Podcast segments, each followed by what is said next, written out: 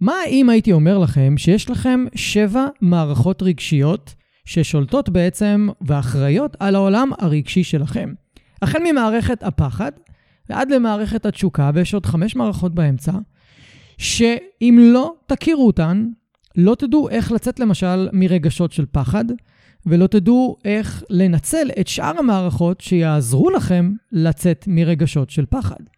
וכדי להבין את הנושא הזה הרבה יותר לעומק, בפרק הזה אנחנו הולכים לעבור ביחד עם מיקלה בן טובים על העבודה הכל כך חשובה של אחד החוקרים המשמעותיים בתחום הזה שנקרא יאק פנסקפ, אשר חקר את העולם הרגשי לעומק אצל יונקים, כולל אותנו, ואחת התגליות למשל הכי חשובות שלו, שאם אנחנו מפחדים וחיה אחרת מפחדת, למשל הכלב שלנו, אותו אזור במוח נדלק. זאת אומרת שאנחנו חולקים את אותה מערכת רגשית עם הכלבים שלנו, וזה מסביר המון פעמים למה כלבים יכולים להרגיש אותנו ובאיזה מצב רגשי אנחנו נמצאים.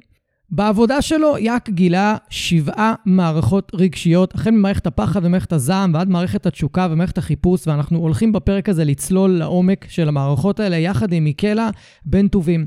למה חשוב לכם לדעת על המערכות הרגשיות? כי הן המנוע העיקרי להתנהגות של הכלבים שלכם, גם להתנהגות שלכם.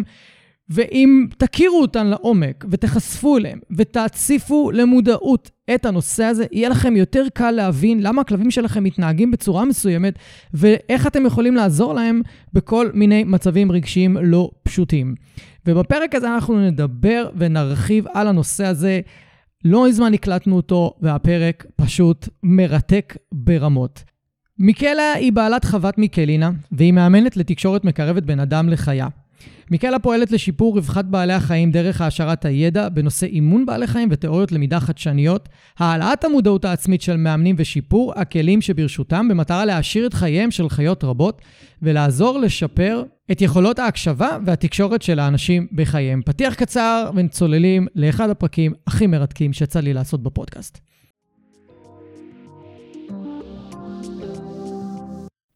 ברוכים הבאים לפודקאסט מחשבות של כלב. שמי גיא תיכון, ואני עוזר לבעלי כלבים להתגבר על בעיות התנהגות מורכבות עם הכלבים שלהם בשיטות המבוססות על תגמולים וחיזוקים בלבד. אני מאמין שחשוב לגדל ולאלף כלבים כיום בראייה הוליסטית, ולא מספיק לגדל אותם בראייה התנהגותית בלבד. אני מעביר תהליכי ליווי אישיים, סדנאות וקורסים דיגיטליים לבעלי כלבים וגם למאלפים שמחפשים להתפתח ולצמוח. בכל יום שישי יעלה פרק חדש בנושא מרתק, דרכו אלמד אתכם להבין כלבים ברמה עמוקה יותר, מה שיסייע לכם לשפר את הקשר איתם ולחיות בצורה הכי טובה ביחד. אם אתם נהנים מהתוכן, אשמח שתשתפו אנשים אחרים שמגדלים כלבים וגם הם יוכלו ליהנות מהפודקאסט. תודה שאתם מקדישים לי מזמנכם, המשך פתיח קצר ומתחילים.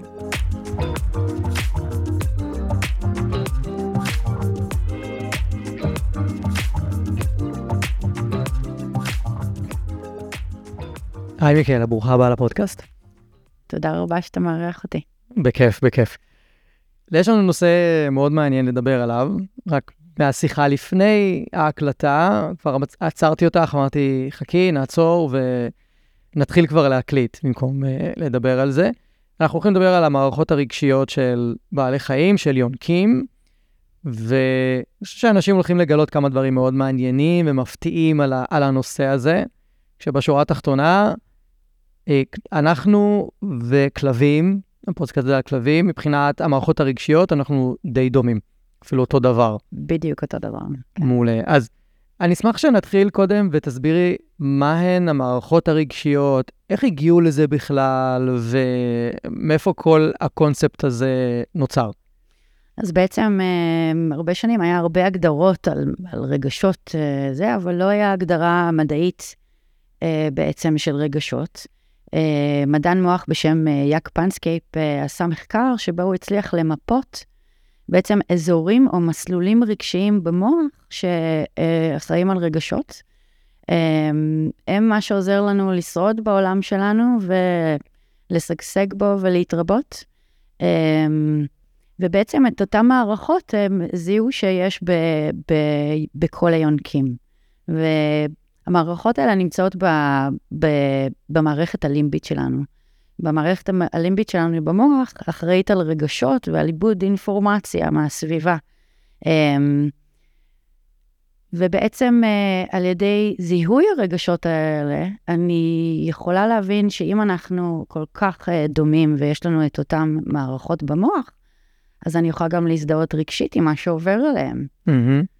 Uh, ו- ובכך לעזור לעצמי גם להבין את החיה שלי, את הכלב או חתול או כל יונק אחר, um, וגם להבין את עצמי יותר טוב, למה אנחנו פועלים כמו שאנחנו פועלים. אז איך הוא בעצם הבין שאנחנו דומים בעצם, אנחנו ויונקים, הרי הוא בדק בני אדם, הוא בדק חיות, ואז הוא גילה בעצם שאנחנו... נכון, דומים. זה, זה, בניסוי המדעי שלו הוא יכל ממש לגרות אזורים במוח ולראות מניפסטים של התנהגות של אותם רגשות. זאת אומרת, ביטוי התנהגותי. בדיוק, ביטוי התנהגותי. למשל, אם אנשים היה יותר קל, כי היה גם אפשר לשאול אותם מה הם מרגישים. אבל כן. בעצם באותו, באותו רגע שהוא עשה גירוי, למשל, למערכת הפחד, הבן אדם אה, שבניסוי אה, הפגין התנהגויות ש, של פחד, אה, מהמם. רתיעה, אה, התכנסות בפינה, עיניים גדולות, אישונים גדולים, אה, יבש בגרון, אה, אדרנלין גבוה. אה, ו, ובעצם הוא יכל למפות גם את המוח האנושי וגם מוח של יונקים אחרים ולראות שאנחנו ממש זהים. איך הוא ראה שאנחנו זהים? בעצם במהלך הניסוי אה, הם גירו את אותם אזורים במוח גם אצל היונקים וגם אצל בני האדם, ובכך ראו שאותם אזורים אחראים על אותם מניפסטים של התנהגות. כאילו, טוב. ברגע שנדלק אזור מסוים, אותה התנהגות קרתה, כאילו, פחות או. יותר. בעצם ברגע שהוא גירה אזור מסוים, או שזה יכול להיות אה, גיר, גירוי חשמלי או גירוי כימי, מהמם. אז בעצם המערכת הזאת מתחילה אה, לפעול, ואנחנו, והיא מפעילה התנהגויות. בעצם הקונספט שהתנהגות נובעת מתוך רגש. אוקיי? אמ, וגם רגשות אחריות, הלמידה כמובן. אז, אז זה מאוד מתחבר גם לאיך אני מלמד התנהגויות, אה, ואיך החיה שלי לומדת, איזה מערכות אני מעוררת במהלך לימוד של התנהגויות. אה, מאוד חשוב גם. מעניין. אז בעצם לפי הניסוי, המניע העיקרי להתנהגות אצל יונקים זה רגש. כי נגיד אצל כלבים מדברים המון על נטייה, גם נטייה טבעית, כמו נטייה גנטית. אה, אם זה כלבי רועים, אז הנטייה לראות, אם זה כלבי צאן, הנטייה לשמור. אז בעצם אני מבחינתי עושה, הבנתי, או יותר נכון, אני הבנתי שיכול להיות כמה מניעים התנהגותיים לחיי, לא רק המניע הרגשי. בעצם אנחנו לא מדברים על רגש, אנחנו מדברים על מערכת רגשית. מהמם. ולמה זה חשוב להבין את זה? אוקיי. כי בעצם, אה, נשאר נדלקת כשהתחלת לדבר, אה, מהמם. אף אחד לא רואה, אבל בעצם את, מה שאתה. מדבר עליו, זה בעצם מערכת החיפוש, אוקיי? מערכת החיפוש זה בעצם מערכת ההתלהבות מהחיים, אוקיי? מהמם. אה, רוב ההתנהגויות שאנחנו אה, מנסים לתת להם איזושהי הגדרה למה התנהגות קורית, ו- וגם מדברים על יצרים אצל אה, כלבים הרבה, בעצם נובעת ממערכות רגשיות. מערכת החיפוש מזון, מערכת הסיקינג, היא מערכת שאם אני אקח עכשיו הכי קרוב ל, אה, לכלב, זה נסתכל על חיות בטבע שלהם, אוקיי? ולא בתוך הסביבה האנושית שהם גרים בה עכשיו, נסתכל על זאבים. ואם נחקור את זאבים בטבע, מערכת חיפוש מזון אצלהם פועלת 24 שעות ביממה. כן. כי המזון הוא לא כזה זמין, יש נכון. כל כך הרבה התנהגויות בתוך מערכת המזון שצריך לעשות בשביל לצוד את האוכל. ולא רק לצוד אותו, לאכול אותו. למשל, זאב צריך קודם כל להתמצא בסביבה, אוקיי? אה, אה, אוריינטציה. שיש הרבה כלבים שהמערכת הזאת מאוד מוגברת אצלהם, כמו אה, כלבי הערכה למשל, אוקיי?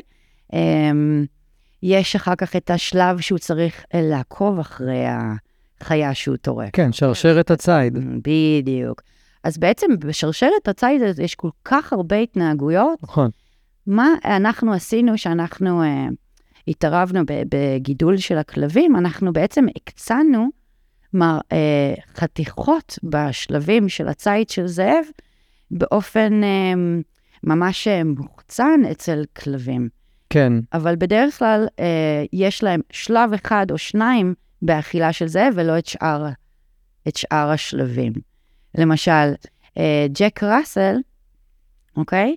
הוא, אה, הוא כלב שיהרוג חיות קטנות, ינער אותם, אוקיי? נכון. שזה שלב חשוב בהריגה של החיה. בשרשרת לא הציד. אותם, נכון. כן. אוקיי? הוא גם, אה, הוא, הוא בעצם, הוא חתיכות מתוך השלב האכילה של הזאב.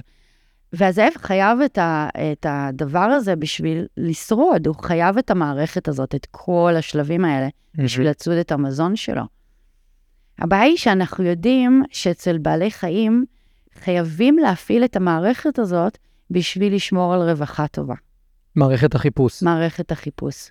וזה אחת מ- מהמערכות שאנחנו לא מפעילים מספיק. זאת אומרת שכלב שהאוכל זמין לו כל היום בצלחת, זה ממש כאילו ברמה של מזיקה לו. נכון, זה ממש פוגע לו ברווחה. זה, מעניין. בוא נתחיל מהדבר יודעת- הכי חשוב, זה שעמום. נכון, כי את יודעת על מה זה יושב אצל רוב האנשים שעושים את זה. כן. אה, הם פשוט דואגים שהכלב לא אוכל מספיק. אז הם פשוט משאירים לו את האוכל, ויש אנשים שזה זה נוח, מרכיב הרבה יותר נוח. גם, אבל יש הרבה אנשים שזה מרכיב, אה, זה ממלא איזשהו... זה עונה על, Mm. על, על צורך להסיר את הדאגה אם הכלב אכל, לא אכל, וזה, כן. כמו שאתה אומר. כן, זה, זה מרגיש לנו טוב לדאוג לאחרים. כן, אני רואה שהקערה שלו כל הזמן מלאה, עשיתי את נכון. שלי. אבל אבל בפועל זה בעצם, לא טוב. אם היינו. יודעים שחלק מהרווחה זה דווקא להפעיל את המוח של מהמם, החיה שלי. כמו שאנחנו יודעים שילדים צריכים ללכת לחוג ולבית ספר, וגירוי קוגנטיבי הוא חשוב כמו כל דבר אחר, אנחנו יודעים שגם החיה מגיעה את זה. אני חושבת שהעלאת uh, המודעות למערכות רגשיות יפתור הרבה בעיות, כי בסך הכל, אם אני אקח את האוכל של החיה, אגלגל אותו במגבת אפילו, ויגרום לחיה לעבוד קצת בשביל לחפש אותו ולמצוא אותו, האוכל גם יהיה הרבה יותר טעים. כן. יהיה לו יותר... פתרתי שתי בעיות, כאילו, גם נתתי איזה משחק מזון וגירוי ואיזשהו אה, אה, אה, הפעלה של מערכת חיפוש מזון באותו יום, מהמם, אוקיי? ובככה, אה, אני קוראת לזה השערה. בעצם העשרתי את היום של, הח, של החיה שלי. נכון. אני חושב שאת הנקודה הזאת של לתת לכלבים לאכול מתוך אה, צעצועי האכלה וחידות, זה באמת תופס יותר ויותר, אה, אבל עדיין לא, לא לגמרי קיבלתי תשובה או, או לא הבנתי עד הסוף מה, אז מאיפה ההתנהגות מגיעה? יש הפרדה בין נטייה טבעית, שאת קראת לזה יצר, אבל נגיד, אה, עד כמה שאני יודע, בשפה המדעית אין, אין מילה כזאת, יצר, אלא יש נטייה טבעית או נטייה גנטית, משהו, איזושהי נטייה שהחיה נולדה איתו. אוקיי. למשל, ו... ולאו דווקא זה יהיה מופעל מרגש, או שאת אומרת שהנטייה הטבעית נמצאת בתוך מערכת, שבמערכת הזאת היא רגשית, אז יש שם כבר איזשהו רגש שמופעל, אז בעצם הכל מופעל ביחד? זה הרעיון? בעצם, אה, מה שהוא מנסה להראות שבעצם המניעים להתנהגויות הם אה, מערכות רגשיות, רגש. בעצם, הרבה פעמים אנחנו מסתכלים על התנהגות אה, בהגדרתה כ-A, B, C, מהמם, נכון? יש משהו שמקדם את ההתנהגות, כמו שמישהו דופק בדלת, ואז הכלב שלי עושה התנהגויות של נביחות, אה. השתוללות, או, או מפגין איזושהי התנהגות. ואז יש בעצם משהו שקורה אחרי ההתנהגות הזאת. חיזוק או עונש. בדיוק, או חיזוק או עונש. אז בעצם מה שאני אומרת, שלא רק ה-A, המקדם הזה, הטריגר הזה מניע את הכלב לפעולה, אלא גם ה- המוטיבציה לפעולה. והמוטיבציה לפעולה הזאת, אוקיי, היא הרגש. אז עכשיו קורה גירוי מקדים כלשהו, איזשהו טריגר, שהטריגר מפעיל מערכת רגשית כלשהי, בדיוק. ואז הכלב מתנהג. איך בהתאם לזה. הטריגר מחובר למערכת רגשית? דרך למידה. הלמידה נכון. של החיה בסביבה שלה. אוקיי? היא מקשרת את הטריגר לאיזה מערכת רגשית זה מפעיל לי. מהמם. אוקיי? אם הטריגר הזה מפעיל את מערכת הפחד, למשל, אז אני אפגין התנהגויות שנובעות מתוך פחד. וזה יכול להיות התנהגויות כל כך שונות, כי כל חיה מוצאת פתרון אחר בשביל אה, לעבור מ... הרצון שלנו בעצם, אוקיי, אם אני אסביר את זה הכי טוב, כשאני נכנסת למערכת הפחד, יש לי שאיפה לצאת ממנה. זה לא נעים לי להיות שם. נכון. החיה תפעל בשביל לעבור למערכת אחרת. מערכת נעימה, מהמם. אוקיי? מה שאני יכולה לעשות זה לתת לה את האפשרות לעבור מערכת למערכת, ואפילו לעזור לה. איך למשל? למשל. דוגמה. אוקיי. אולי, את יודעת מה? בואי ניקח אפילו דוגמה מאנשים. אולי לפני הדוגמה. כן. תני ממש בקצרה רגע את המערכות הרגשיות אוקיי. שקיימות. אז זה בעצם שבעה מסלולים ומערכות רגשיות. אה, הן מתחלקות למערכת הדאגה, מהמם. אוקיי? מערכת המשחק, מערכת חיפוש המזון, מערכת התשוקה, מהמם. מערכת הפחד, מערכת הכעס, ויש מערכת שנקראת מערכת אבל או פאניקה, מהמם. אוקיי? זה מתחלק לשתיים כי זה קשור לשלב בחיים שלנו. אוקיי. אני אשמח אה, אפילו קצת להרחיב על כל מערכת בקצרה, ממש. אה, בוא נעשה את זה אחר כך. אני רוצה אוקיי. רגע לחזור ל-. לאיך עוברים ממערכת למערכת. נגיד עכשיו כלב נמצא במערכת של פחד, מהמם. איך אני, לאיזה מערכת הוא ירצה לעבור, או מה יעזור לו. בדיוק, מדהים. מערכת הפחד זו מערכת שלא נעים להיות בה, מהמם. אוקיי? אה, אנחנו יודעים מה עובר לנו על הגוף, שאנחנו מפחדים. כל הגוף אה, נמצא במצוקה ורוצה לפעול בשביל לצאת מהמצוקה הזאת.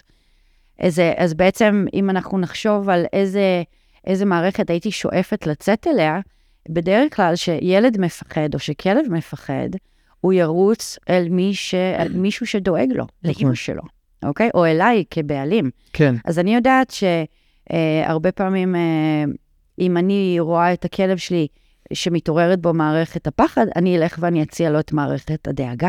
שזה בעצם עזרה. מזה, בדיוק. איזושהי עזרה. זה מערכת קונטרה שעוזרת לו לצאת מהמצב הלא נעים הזה, מערכת דאגה שהיא מערכת שמרגיעה את הגוף וקשורה ל- לרוגע וחום, אוקיי? וד...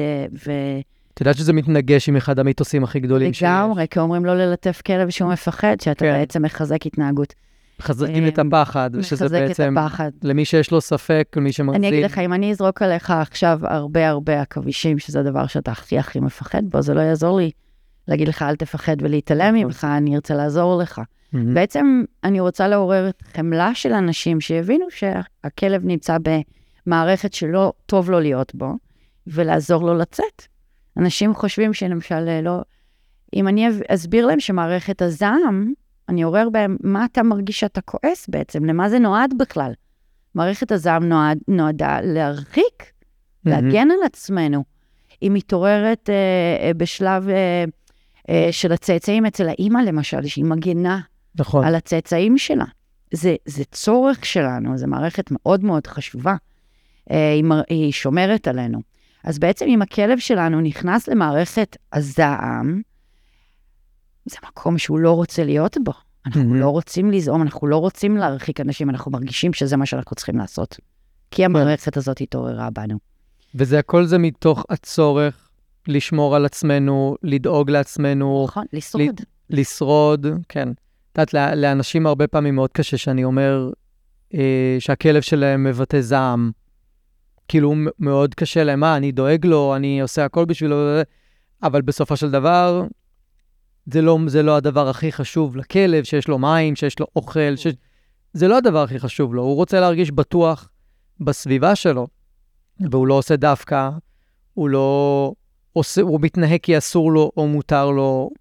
זאת אומרת, ההתנהגות של כלב, לפי מה שאת אה, אומרת, זה מחזק את, את הדברים שאני מדבר עליהם המון. כלב פועל בעיקר מהמקום של נעים לי, לא נעים לי, בטוח לי, לא בטוח כמו לי. כולנו. כן, ואם יש למישהו ספק רגע עם מה שאמרנו קודם, אז אם אתם תלטפו או תתייחסו לכלב שלכם שהוא מפחד, אתם לא סביר שתחזקו את הפחד. יותר סביר שתרגיעו אותו ותעזרו לו אם הוא, אם הוא רוצה, אם הוא לא רוצה, אז אפשר גם להניח לו להיות עם עצמו. זה גם אפשרות. יש עוד מערכות שאפשר לעורר של... כן. האמת היא שגם אחד מהדברים המדהימים זה, אתה יודע, זה להכיר את החיה שמולך. כי בעצם יש לי כלבה אחת שזה לא יעזור לה אם היא מפחדת. מה לא יעזור לה? ללטף אותה, לא. נכון. מערכת הקר לא תעזור לה שם. דווקא מערכת המזון, חיפוש מזון תעזור לה. אם אני Mhm. פתאום אשלוף אה, אוכל. אה, אוכל, או אם אני אלך לעשות אה, משחק ביחד, אם משחק עם צעצוע. אבל בעצם ההיכרות עם החיה שלי והניסיון, הניסיון לעזור לה דרך הפעלה של מערכות שונות, בעצם זה חלק מהאחריות שלי כשומרת על החיה שלי, מהמם. על הרווחה שלה. המצב הרגשי חשוב לי באותה מידה כמו שיהיה להם אוכל, שתייה, מחסה, אפילו קצת יותר. אה, זה מציק לי לראות Mm. אה, חיה ש, שמשעמם לה, או שאין לה מספיק גירוי אה, מהסביבה ו, והפעלה של מערכות רגשיות. זה מעניין מה שאת אומרת, כי היום אצל בני אדם, לצורך העניין, לפחות אני, יוצא לי להקשיב להמון, כל מיני מנטורים וכאלה, ו... ואני כן שומע איזשהו מוטיב חוזר שבא מה... מהדת, ה... מה... מהדת הסטואית. סטואיסיזם, את מכירה? עכשיו, זה לא דת, זה... לא יודע איך לקרוא לזה. ושם דווקא הם ממליצים על להשתעמם, שאנחנו אומרים ששכחנו מה זה להשתעמם, ושאנחנו יכולים רגע לעצור הכל ו- ולתת לעצמנו פשוט להשתעמם. אני לא בטוחה שזה להשתעמם. אומרים, לי- אומרים ממש להשתעמם. להשתעמם. כאילו, הם קוראים לזה סטילנס, כאילו, אל תעשה כלום, תשתעמם. אני חושבת שאנחנו פה מדברים על איזונים. כי בעצם אם Mhm. תיקח אה, יום של כלב ויום של בן אדם, נכון, צודקת. אז היום של בן אדם הוא... נכון. יש לנו יותר מדי גירויים, אנחנו מנסים להוריד מאיתנו גירויים, יש לנו נכון. יותר מדי דברים לעשות, יותר מדי מחויבות. בגלל זה אנחנו בדרך כלל לא מגיעים לכלבים שלנו, ולכלב שלנו משעמם. הבנתי, הוא נקודה יושב טובה. בשפה ומחכה, אז בעצם אנחנו בהחלט צריכים את האיזון הזה. אני גם מדברת על אה, מדיטציות התבוננות למשל. מהמם. אה, פשוט לשבת ולהתבונן. אבל יש בזה הרבה למידה. אם אני יושבת ומתבוננת, אני לוקחת את הזמן לספוג את הסביבה שלי, וזה משהו נכון. שמאוד חסר לאנשים. זה משהו שאני עובדת איתו הרבה, כי בעצם בשביל להבין את החיה, או להקשיב לה, צריך להתבונן. אני צריכה לשבת בשקט ולהתבונן. כן, גם כדי להבין את עצמנו, אנחנו צריכים נכון. לשבת ולהתבונן, אבל פנימה, וזה לא נעים. מפעיל את המערכת הרגשית של הפחד. לגמרי. מעולה. אז, אה, אוקיי, אז את אומרת שאם אם עכשיו הכלב שלי נכנס למערכת רגשית של פחד, שאגב, אנחנו מדברים פה על כלבים, זה תופס לגבי סוסים, שאת עובדת עם סוסים, ואווזים, אני- תרנגולים, יצא לי. ליישם את זה עם הרבה חיות, אפילו לא יונקים, דרך אגב. לא על יונקים. גם לא על יונקים, מה, דגים? ועדיין... כרגע אני בפרויקט ברווזה, למשל. אמ, הייתי צריכה לבודד אחד מהברווזים בפינת חי שאני נמצאת בה כרגע, אה, כי ה- האפרוח של הברווזת אה, נולד, אה, בקע לבד ו- ולא, ולא בקעו עוד, אז האימא לא דאגה לה. אז היינו צריכים להוציא אותה, ויצא לי לגדל אותה אה, ולהחתים אותה עכשיו בעצם, אה, לצערי, כי לא היה לי כל כך ברירה. אמ, אבל אה, היישום של תקשורת מקרבת איתה, או בעצם המערכות הרגשיות, אני משתמשת בזה כל הזמן. אבל אני צריכה לחקור את, לחקור את החיה שמולי בשביל להבין בעצם איך אני מפעילה דברים.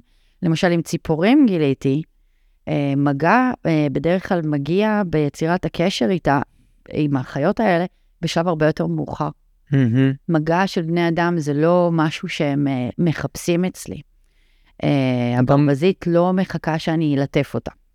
זה משהו שהיא צריכה uh, לרכוש בעצם. כן, גם גורים ככה. נכון, נכון. גורים לוקח להם מלא זמן עד שהם אה, אוהבים מגע. מאוד מאוד uh, זה, אבל, אבל אני יכולה להבין, יש הרבה uh, כלבים שגם לוקח זמן שהמגע שלנו יהיה להם נעים. אז זה עבודה, זה עבודה קשה של הקשבה. של דחיית ו- סיפוקים אצל בני אדם. בעיקר. וואו, על זה אני, מדבר, אני מדברת הרבה, דרך אגב, על uh, מערכת הדאגה ומה זה מפעיל אצמ, אצלנו. כן, אנשים לא קולטים שהם אלה שיכולים לדפוק את כל, ה... את כל הכיף של כלב ממגע בזה שכשהוא היה גור, הם הכריחו אותו לקבל מגע, כי הם חשבו שהוא אוהב את זה וזה נעים לו, שבעצם המהות של גורים זה בוא נשחק, תעזוב אותי כבר. כן. פשוט בוא נשחק. האמת היא שזה, יש אה, משהו שאני רוצה להכניס קצת חמלה לעניין לאנשים. יש משהו שקורה לנו במוח, שאנחנו רואים דברים חמודים. נכון. יש cute aggression, רוצים אוקיי. ממש, שזה חוסן, אה, חוסר איזון נירוכימי במוח, כן, שקורה לנו, שאנחנו רואים חמ, דברים חמודים. אפילו אם זה ילד, אה, דודה שבאה ותופסת כן. לבק עליך, כי זה חמוד, נכון. בעצם פה לא יכולה להשתלט על עצמה. אבל אם אני אדע את זה, שיש לי את הנטייה הזאת, יכול להיות שאני אוכל להעלות את המודעות ולעצור את עצמי. מהמם. אז אני מאוד מאוד מסבירה את זה, ש- שאנחנו פשוט כל כך אוהבים, אנחנו רוצים לאהוב חזק, נכון, זה מתפרש לא נכון אצל החיה. נכון. אני הרבה פעמים uh, מנסה להסביר שאנחנו גורילות. באמת, אנחנו, אנחנו גורילות, יש לנו דרך מאוד ספציפית להראות אהבה. תחשוב, אנחנו אוהבים גם לקרב את הפנים אחד לשני. נכון. קרוב, קרוב, קרוב, קרוב, קרוב, זה מוזר. אנחנו אוהבים לחבק, זה מוזר. לכלבים. ול... נכון. זה מוזר לחיות להבין שחיבוק שווה אהבה. זה לא מוזר, זה איום. זה, להם זה איום. נכון. אנחנו רוצים להביע אהבה. זהו, אבל כאילו כשאת אומרת מוזר, אז כאילו בן אדם יכול להגיד, אוקיי, זה מוזר, אני ארגיל אותו, אבל יש כלבים שלא משנה מה נעשה, נכון. זה, אי אפשר להרגיל לזה, אתה תקרב את הפרצוף שלך לכלב, מחדש. אתה תקבל ביס. אבל יש גם דברים שאפשר להימנע מהם, כי הידיעה תעזור לחיה שלי. אה, תקרב הרבה בינינו. אני, אני על בשרי, יצא לי כלב שאני מכירה ואוהבת של השכנים, אתה יודע, כלב שגדלתי לידו ותמיד בא כשאני חוזרת מבית ספר לליטופים. יום אחד פשוט התכופפתי אליו מהר מדי. באתי אל הפנים שלו ממש מהר, הוא נבהל. כמו שכל בן אדם אחר היה נבהל אם הייתי עושה לו את אותו דבר. בן אדם, לא. כלב, אוקיי? כן, שתבין, שגם בן אדם, אם אני ממחישה לו איך אני התקרבתי לפנים שלו, אז הוא נשך אותי בשפתיים, יש לי צלקת עד היום. כן, אבל כשאת מזכירה רגע בני אדם, אז גם אנחנו לא נרשה לכל אדם להתקרב לפנים שלנו. אם אנחנו בנו. לא מכירים אותו, אנחנו מפרשים את זה כאיום לכל דבר. נכון. אם מישהו אי פעם הרגיש מה זה שמישהו אחר רוצה לתת לך, להראות לך אהבה ולחבק ואתה לא רוצה, יכול להבין מה עובר על כל הבעלי חיים. זו הרגשה לא נעימה. אני חושב שזה הרבה יותר מזה. גם אם זה מישהו שאת אוהבת, כן. אבל הוא באותו רגע באנרגיה של כעס, לא רוצה. נכון. כן, הוא באנרגיה של כעס והוא מתקרב, ואת מרגישה מאוימת. יכול להיות שהוא בתוך מערכת הרייד שלו, נכון, ומערכת הקיר כרגע לא תעזור. נכון. איזה מערכת כן? לא יודע. מה זה חיפוש מזון אצל אנשים? אכילה רגשית? גם. חיפוש במקרר. כן. חיפוש מזון, הוא, הוא, מערכת החיפוש הוא לא רק חיפוש מזון, הוא התלהבות מהחיים בעצם. זה כל דבר שאנחנו מחפשים, אוקיי? אה, חיפוש בני זוג, אה, חיפוש אה, מחסה מהגשם, מהמם. אוקיי? אה, אני רעב, אני מחפש אוכל, אני צמא, אני מחפש. זה בעצם הדרך שלנו להשיג את הדברים, ההתנהגויות שאנחנו עושים בשביל להשיג את הדברים שאנחנו רוצים, אוקיי? דרך אגב, זו המערכת שפועלת כל הזמן, כן, כן. נראה ככה. וזה גם מערכת שעוזרת לנו לעבור ממערכת למערכת, מהמם. אוקיי? זו. מערכת חשובה. זאת אומרת ש... לפי מה שאת אומרת, אם עכשיו החיה נמצאת במערכת פחד, היא צריכה לעבור דרך מערכת החיפוש כדי להגיע למערכת יותר רגועה. כן, היא מופעלת בעצם. כי הוא צריך למצוא דרך, תתארי לי את זה בהתנהגות. עכשיו הכלב הולך ברחוב, הוא רואה איזה כלב אחר, מת מפחד, מתחיל לנבוח, ומתפרץ מ- מתוך פחד. יכול להיות אפילו שהוא נכנס למערכת של... כבר זעם. זהו. מפחד בדרך כלל מגיעים לזעם. אז זהו, שהיום, היום כלב שכבר יש לו ניסיון, אז שתי המערכות האלה כבר נראה לי, הן כבר סוג של חופפות, כאילו, אין, אין, הפר, אין הפרדה עבר כמעט. מאוד מהר, אתה אומר בעצם. כן, מאוד יהיה קשה, מאוד יהיה קשה, מעבר, אבל הוא יהיה מעבר מאוד אה, זה, כי בדרך כלל מתוך מערכת הפחד. יהיה מאוד קשה להפריד. למשל, ראיתי כלבה שבוע שעבר, שמערכת הפחד שלה פועלת ממרחק מאוד גדול. והראיתי להם איך היא עובדת, המערכת, היא מסיטה מבטים ימינה, היא מושכת אותם ימינה-שמאלה. הם לא רואים את זה כי הם פשוט חושבים שהיא בטיול שלה, הם לא חושבים שהיא בתגובה של פחד לכלב שנמצא במרחק כזה גדול, ואז הם מגיעים למרחק מסוים שמשם היא כבר מתפרצת, אפשר לדבר, כי זה מערכת הזעם. אין עם מי לדבר. אבל המערכת הפחד שלה מופיעה מאוד מאוד רחוק, ועבורם המעבר הוא חד מדי. אוקיי? ועכשיו, כאילו, אם אני, אם אני לוקח ומפרש את מה שאת אומרת, אני צריך ללמד אותם איפה הכלבה שלהם נמצאת במערכת הפחד, איך זה נראה? בדיוק, לפני שהיא עוברת לזעם, כי בזעם אין עם מי לדבר. אני אגיד לך, אני אפילו אלמד אותם למצוא את הרגע הזה שהחיה צריכה להחליט באיזה מערכת הולכת לפעול עכשיו. האיסוף נתונים. יש רגע שהם עושים, what is it? כאילו, את הרגע שזה, כן, המבט הזה פתאום קלט משהו, אוקיי? באותו רגע המוח עושה את החישובים, איזה מערכת אני הולכת להפעיל. בשביל לדעת איזה התנהגות אני צריך לעשות, בדיוק. אוקיי? שם אני רוצה לעבוד עם החיה. אז, אז בואי תתארי רגע, חיה נכנסת עכשיו, ואני אחזור לדוגמה. חיה נכנסת, כלב נכנס לפחד, ראה עכשיו טריגר, נכנס לפחד. איך הוא עובר למערכת אחרת יותר רגועה, או, או, או מה המסלול שאת מצפה שהוא יעבור? הרבה מאלפי כלבים, נגיד, ממציא, אה, ממליצים לעבוד עם מערכת ה seeking, החיפוש מזון. לקחת איתך מזון לטיול, מהמם. שהכלב מזהה טריגר, לשנות בעצם אה, את המערכת מהפעלה של מערכת הפחד להפעלה של מערכת המזון, חיפוש מזון. את רוצה לשמוע איזה טכניקה עובדת לי הכי טוב עם, אה, עם כלבים ריאקטיביים לכלבים אחרים? בטח. זריקת אוכל על הרצפה. מדהים, כי אתה בעצם מייצר התנהגויות של, שהכלב משדר לסביבה שלו, שהוא גם רגוע. גם אז בעצם אתה לא מפעיל גם את הכלב השני. נכון, הכלב השני לא מופעל ברוב המקרים. בדיוק, אתה מונע גם את ה... אתה בעצם עוזר לכלב שלך לבטא התנהגויות שהיית רוצה, בעצם מלמד אותו איך להתנהג כשהוא רואה כלב אחר. כן, ואז את יודעת מה הקושי הכי גדול של אנשים. ומאלפים? כן, אני, אני חושבת שאנחנו מה? נדבר על אותה בעיה. שהיא? יש דבר שאנחנו חייבים לרכוש, זה להבין איך חיות לומדות. אוקיי? הרבה פעמים הטיפ הזה יכול לסבך הרבה מאלפי כלבים שאומרים לאנשים לעשות את זה. למה? הרבה פעמים אתה תראה שבגלל שהבן אדם כל כך מוכן לזה ורוצה ליישם את מה שהוא למד מהמאלף, אנחנו נעשה, אה, בעצם אנחנו נבלבל את הכלב בסדר של הדברים. מה קורה? מהמם. אני, אני שנייה נותנת אנקדוטה של בני אדם, בסדר? אם אני בתור ילדה הולכת עם אימא שלי ברחוב, ו, ופתאום האימא שלי תיבהל ממשהו, או שתקלוט שיש משהו שיכול להפחיד אותי, היא ישר שתשדר לי את זה עוד לפני שאני ראיתי את הדבר המפחיד, כי היא תחזיק לי את היד קצת יותר חזק.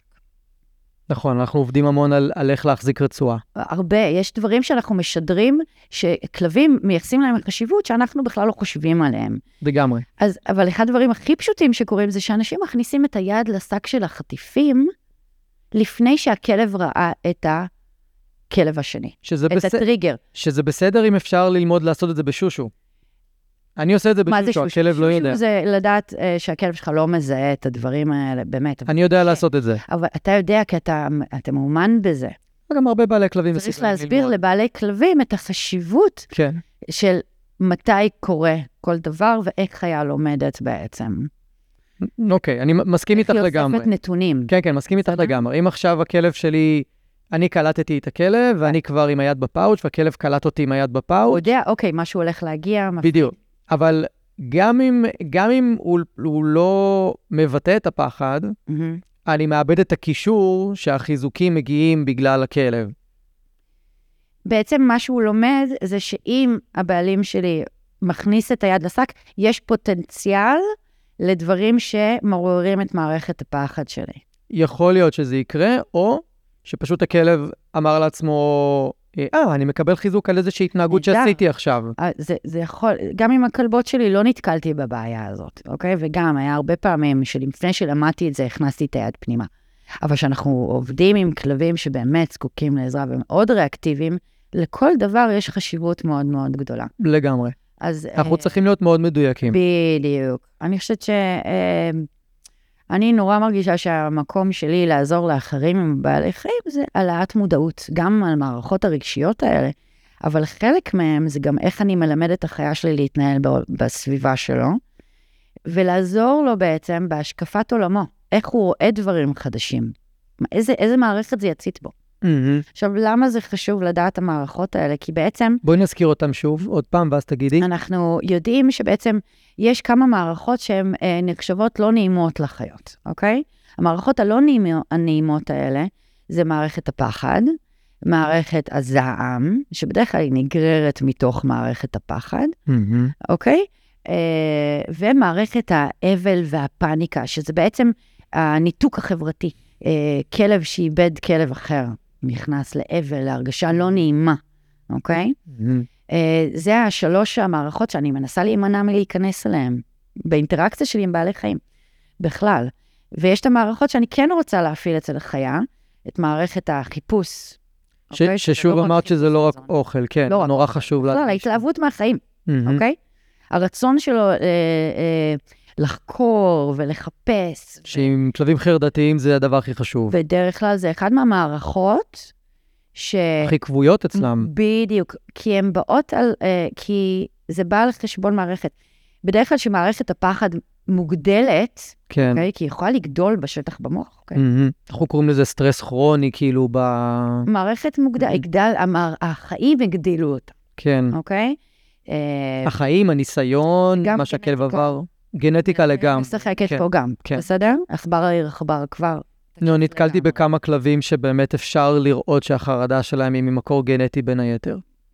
קשה מאוד להוציא אותם משם. זה מערכת מאוד מוגדלת, אני צריכה לדעת שיש לי כלב עם המערכת הזאת מאוד מוגדלת, והיא באה על חשבון מערכות אחרות. ובדרך הראשונה שנפגעת, זה מערכת החיפוש. בוא שנייה נעשה הגברה, הגבלה לאנשים, בסדר? אבל רגע, מה, יש עוד שלושת המערכות חיפוש, אה, הנעימות? מערכת המשחק. אה, ומערכת הדאגה. אוקיי? חיפוש? שאמרנו שהיא מתעוררת גם על ידי, בדרך כלל עם מגע חיפוש, משחק, ודאגה. דאגה זה שלוש. אין עוד אפשר אחת? לנו אחת שהיא התשוקה. התשוקה, שצריך אנחנו צריכים להסביר עליה. לקחת אותה כן. בחשבון הרבה פעמים. כן, שאני לא יודע איך זה, מתבטא אצל כלב בעצם. אה, הידיעה בעצם שהתנהגויות משתנות בגלל המערכת הזאת. מה, אבל איך? כלבה באיחום, זה לא הורמונלי? אבל זה מערכת רגשית. הרצון של כלב אה, לפעול בשביל להגיע לנקבה, זה מערכת הלאסט. אבל היא לא, אבל זה הורמונים. הוא עכשיו מריח הורמונים. נדבר על מופעל. על כל התהליכים במוח, אנחנו מדברים על הורמונים, על נירוטרנסמיטרים שמתעוררים. עם כל מערכת יש מערכת של הורמונים שמנוהל. אבל את אומרת שמעל ההורמונים יש את המערכת זה הרגשית. בעצם הדרך שלנו להגדיר את כל הדברים האלה, ולתת לך חבילה שתוכל להבין מה קורה על החיה שלך. דרך. קצת יותר פשוטה. האמת היא שבעצם מדעי המוח אפקטיביים אה, עוזרים לי להעריך את הרווחה של החיה של מולי, אוקיי. אוקיי? לפי איזה מערכות פועלות אצלה, ולא רק זה, האם היא יכולה לפעול בשביל לעבור ממערכת למערכת. האם הכלב שלי יכול, שהוא מפחד, לצאת מתוך המערכת, לעשות איזושהי התנהגות בשביל להגיע למערכת הדאגה. ואם הוא לא יכול? אז שם מתחילות הבעיות. כי אז בעצם אני משפיעה על המצב רוח שלו ועל ההסתכלות שלו על החיים. שאת, אוקיי. שאת אומרת שהוא יעבור ממערכת הפחד למערכת הדאגה, אז את, את בעצם אומרת שהוא יסכים לקבל את העזרה מאיתנו ואת הדאגה מאיתנו כדי שתרגיע. אותנו? שירגיע אוקיי, אותו? לו דרך, אוקיי? למשל, לשימוש בהצפה, בשביל ללמד משהו, שאתה מציף את החיה עם משהו שמפחיד אותה, ואתה מחכה שהיא תתרגל לזה, מהמם. בעצם אתה לא נותן לחיה להפגין איזושהי התנהגות שתגרום לה לעבור ממערכת למערכת. כאילו, אני, אני תוקע אותה במערכת הפחד. בדיוק. ואולי גם במערכת הפאניקה והזעם. לגמרי, אני, אני גם אשלח אותה למערכת הפאניקה, כי אין שום. דבר שהיא יכולה לעשות בשביל לצאת מהדבר הכי הכי מפחיד הזה, היא צריכה לעבור לזעם. בפאניקה ההיסטרית של זעם, או לחלופין, יש הרבה דברים שאנחנו עושים שאנחנו מרגישים שאנחנו הולכים למות, שהם לא לברוח. מהמם. למשל, אני יודעת שמערכת הפחד מתבטאת אצל כל חיה בדרך אחרת. סוסים יברחו. דבר ראשון שהם יעשו, פש, ביי, להתראות. גם כלב דבר ראשון יברח. לא תמיד. אה, הנטייה הטבעית שלו זה לברוח. ל- להתרחק, אוקיי? כן. לא תמיד יברח, הוא התחיל לזוז. נכון, התכוונתי להימנע, ביי, כן. לא הייתי פה, אוקיי? Um, הרבה פעמים uh, אצל חמורים, הסיבה שאנחנו אומרים שחמור הוא עקשן, זה בגלל שכשהוא נכנס למערכת הפחד, הגוף שלו עושה פריז פריז. מוחלט. זה נראה לנו כאילו הוא עיקש או לא רוצה לעשות, לא, הוא מת מפחד. הוא פשוט לא סוס, הוא לא כלב, הוא חמור, הוא יתנהג ככה שהוא מפחד. כן, זה קורה אצל הכלבי פריע, כל הכלבי מדבר, כל הכלבים שהגיעו מה... מהשטחים הפתוחים ונתקעים הרבה בטיולים, ו... ולאנשים מאוד קשה לקבל את זה ש... שזה מונע מתוך שזה מונע מפחד. כן, שהוא פחד, כן. כן, אומרים, לא, הוא מושך אותי לשם.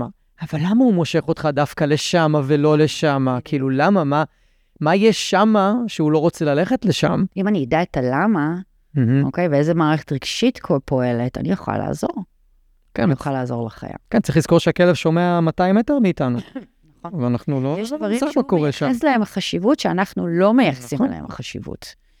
אני מלמדת בעצם שמהרגע שהחיה, אה, אה, כמונו, אנחנו לומדים, כל הזמן לומדים. וזה כל כך חשוב להבין שאנחנו אחראים על הלימוד של החיה בסביבתה. לא תמיד אנחנו גם מקבלים טבולה ראסה. ממש לא. כלב שיש לו למידה רציפה אה, כל החיים, התעוררו מערכות מאוד מסוימות, יכול להיות אצלו, מערכת פחד מוגברת ורג, וסופר רגיש בגלל זה. ו, אבל לדעת שכן יש כלים לעזור ולהקטין את המערכת הזאת. זה כן לוקח זמן וחזרות, אבל זה אפשרי. אם יהיה לי את הכלים להניע אותו ממערכת למערכת, אני ממש יכולה לעזור לרווחה של החיה במקום שהיא נמצאת. כמובן לא... אנשים נורא מצפים להגיע לכלב המושלם הזה, זו עבודה קשה. ויכול להיות שאף פעם לא יגיעו למער, ל, לכלב שלא מתעוררות בו בכלל המערכות האלה. Mm-hmm. אנחנו רוצים שהוא ידע אבל מה לעשות בשביל לצאת מהם. כן, שזה יפה שאת אומרת את זה, כי טיפול בחרדת נטישה הוא מושתת כולו על ללמד את הכלב לעבור ממערכת הפחד פאניק, באופ... והפאניקה זה באופן... פאניקה עצ- שעובר עליו. כן, תלוי ברמות. לא, מבחינת המערכת הרגשית, מהמם. אה, שקשורה לספריישן, להפרדה, אוקיי, סבבה. אוקיי? זה המערכת הרגשית, יש לזה מניפסט התנהגות שונה.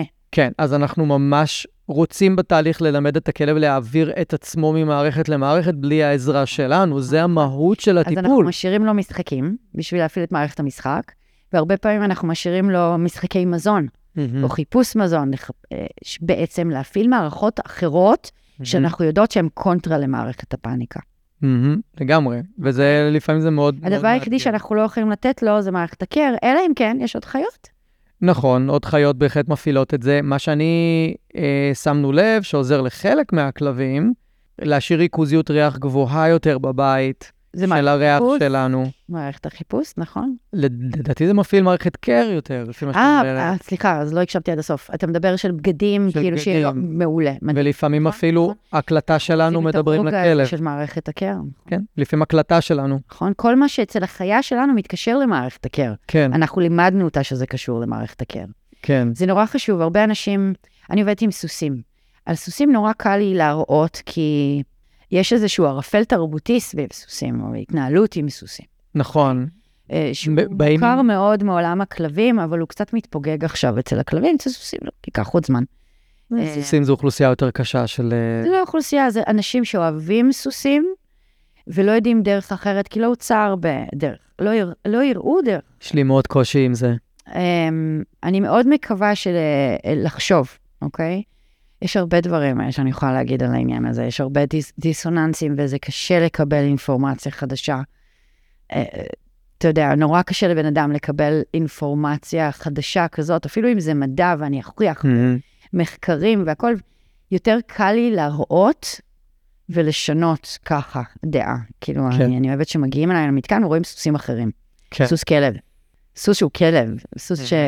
שרוצה בחברת האדם כל כך, ורוצה את האינטראקציה עם הבני אדם, זה ההיילייט של היום שלהם. אולי זה לא כל כך טוב, אבל זה ההשערה של היום שלהם, אינטראקציה עם בני אדם, ואיך זה יכול להיראות. אמ, אבל הרבה פעמים מה שקורה עם סוסים, זה המניעה שאנחנו מונעים מהם לעבור ממערכות רגשיות, אה, ו- ובכך פוגעים מאוד אה, ברווחה שלהם. לא רק זה, אנחנו מפעילים מערכות רגשיות. באימון איתם.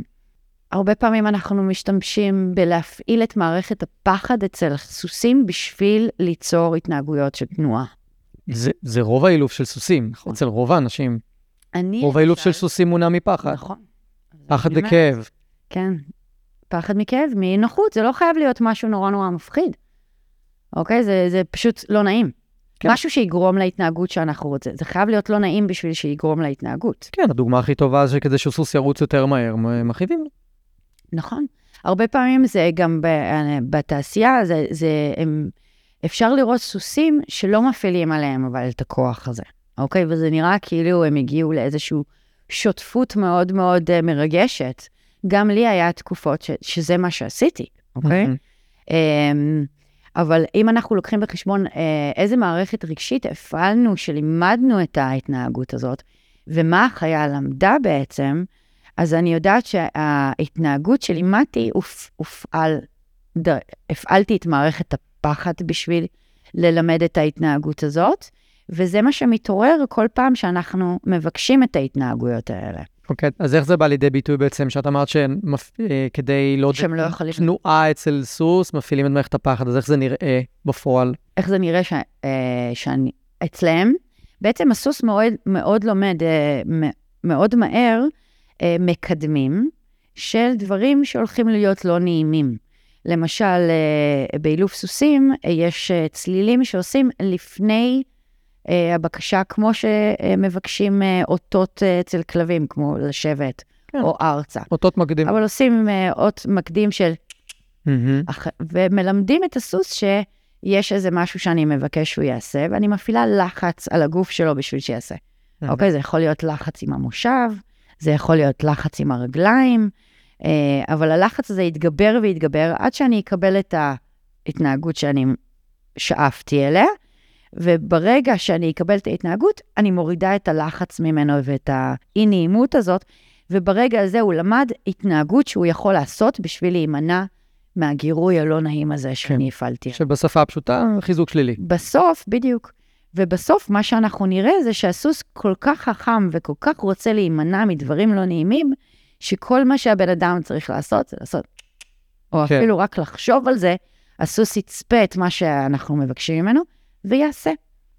זה נראה כמו קסם, כי אין חבלים לפעמים, ו- והסוס כבר עושה את כל מה שאני מבקשת, אבל בעצם המניע שלו להתנהגות זה להימנע מ- מזה שאם כן, הוא לא יעשה, אני. אלך להביא, בדיוק. יודע טוב מאוד שאם הוא לא יקשיב, בסוף אני כן אלך להביא את האמצעים אה, ליח... ליצירת לחץ, ואכריח אותו בעצם. מהמם. תעשייה של הסוסים אה, לא מעודדת אה, בחירה חופשית של סוסים והעצמה בעצם של החיה עצמה. למה? אה, כי בעצם אה, אנחנו לא משאירים להם ברירה, אנחנו לא יכולים בכלל לבדוק שיתוף פעולה. אנחנו מצפים, מצ... יש ציפייה שהחיה הזאת, בשביל שהיא תהיה בטוחה לנו, תעשה כל מה שאנחנו אומרים בזמן שאנחנו אומרים. זה לא... כל סטייה מזה היא בעיית התנהגות. אבל זה לא נובע מזה שהשימוש הראשוני הראשוני שלנו בסוסים היה שהם יעשו עבודות מאוד מאוד. קשות שאנחנו לא יכולים לעשות, אז כאילו אנחנו יכולים להכריח אותם לעשות את זה. פונקציה לזה. כן. אה, כרגע בעצם יש את הפונקציה, יש פונקציות אחרות, רכיבה בשביל פנאי, בשביל ספורט. אוקיי? יש לזה פונקציה. כן. ולא רק הפסקתי אגב, אה, לרכב. לרכב על סוסים, פילים, הכל כבר לפני המון שנים. אז אני, למשל, את המסע שלי לתוך מה שאני עושה היום, אה, יצא מתוך, אה, אתה יודע, אני קוראת לזה הלימונצ'לו שלי. כל פעם קרה משהו שהכריח אותי לשנות דברים, וללמוד ולשפר, ובכך הגעתי למה שאני עושה היום. בעצם אני מלמדת עכשיו אה, אה, אינטראקציה עם, אה, עם סוסים בהפעלה של שלוש מערכות, האמת היא לא של שלוש, של שתי מערכות עיקריות, אוקיי? מערכת הדאגה, אני מלמדת ילדים איך ליצור קרבה דרך מגע ואיזה מגע סוסים אוהבים, אוקיי? מהמם. אה, ואיך להקשיב כמובן להסכמה למגע. אני מלמדת אה, אה, איך להפעיל אה, וליצור התנהגויות דרך מערכת ה seeking, שזה בעצם אימון מבוסס חיזוקים חיוביים. חיפוש מזון, אה, דרך הכי טובה לה- להפעיל את זה, זה אימון בקליקר, כן, אוקיי? לגמרי. חיפוש מזון בדרך כלל, רק שתדעו שמבחינת, דיברת על הורמונים וזה, אה, אה, חיפוש מזון זה בעצם מערכת שכל כך מרגשת אותנו, כי משתחרר לנו דופמין במוח כל פעם שהמערכת הזאת אה, מתעוררת. בטח, כשאני הולך למאפייה לקנות מאפים, אני ב... לגמרי. אבל רק שתדע שהיא מאוד אחראית על, על הקטע של החיפוש של המזון, ולא המציאה שלו. נכון, אחרי שמצאנו כבר זהו. בדיוק, זהו, ירד, כל ההתרגשות ירדה. כן, כל אוקיי. הדופמין ירד. בדיוק. דופמין זה מולקולה של עוד. בדיוק, זו ההתלהבות הזאת. מלהשיג את הדברים שאנחנו רוצים. בדיוק. בגלל זה אנשים עם אה, רמות דופמין, או שכל מערכת הדופמין שלהם דפוקה לגמרי, אין להם מוטיבציה. זה מערכת לעשות כאילו דברים. מוקט- מוקטנת, וזה מה שקורה למשל. אה, יצא לי לעבוד אה, עם אה, פוסט-טראומטיים, שאחד מהדברים הכי קשים זה להוציא אותם, להוציא אותם לפעילויות, כאילו לעזור נכון. להם לצאת, לפעול, אפילו לצחצח שיניים בבוקר, אוקיי?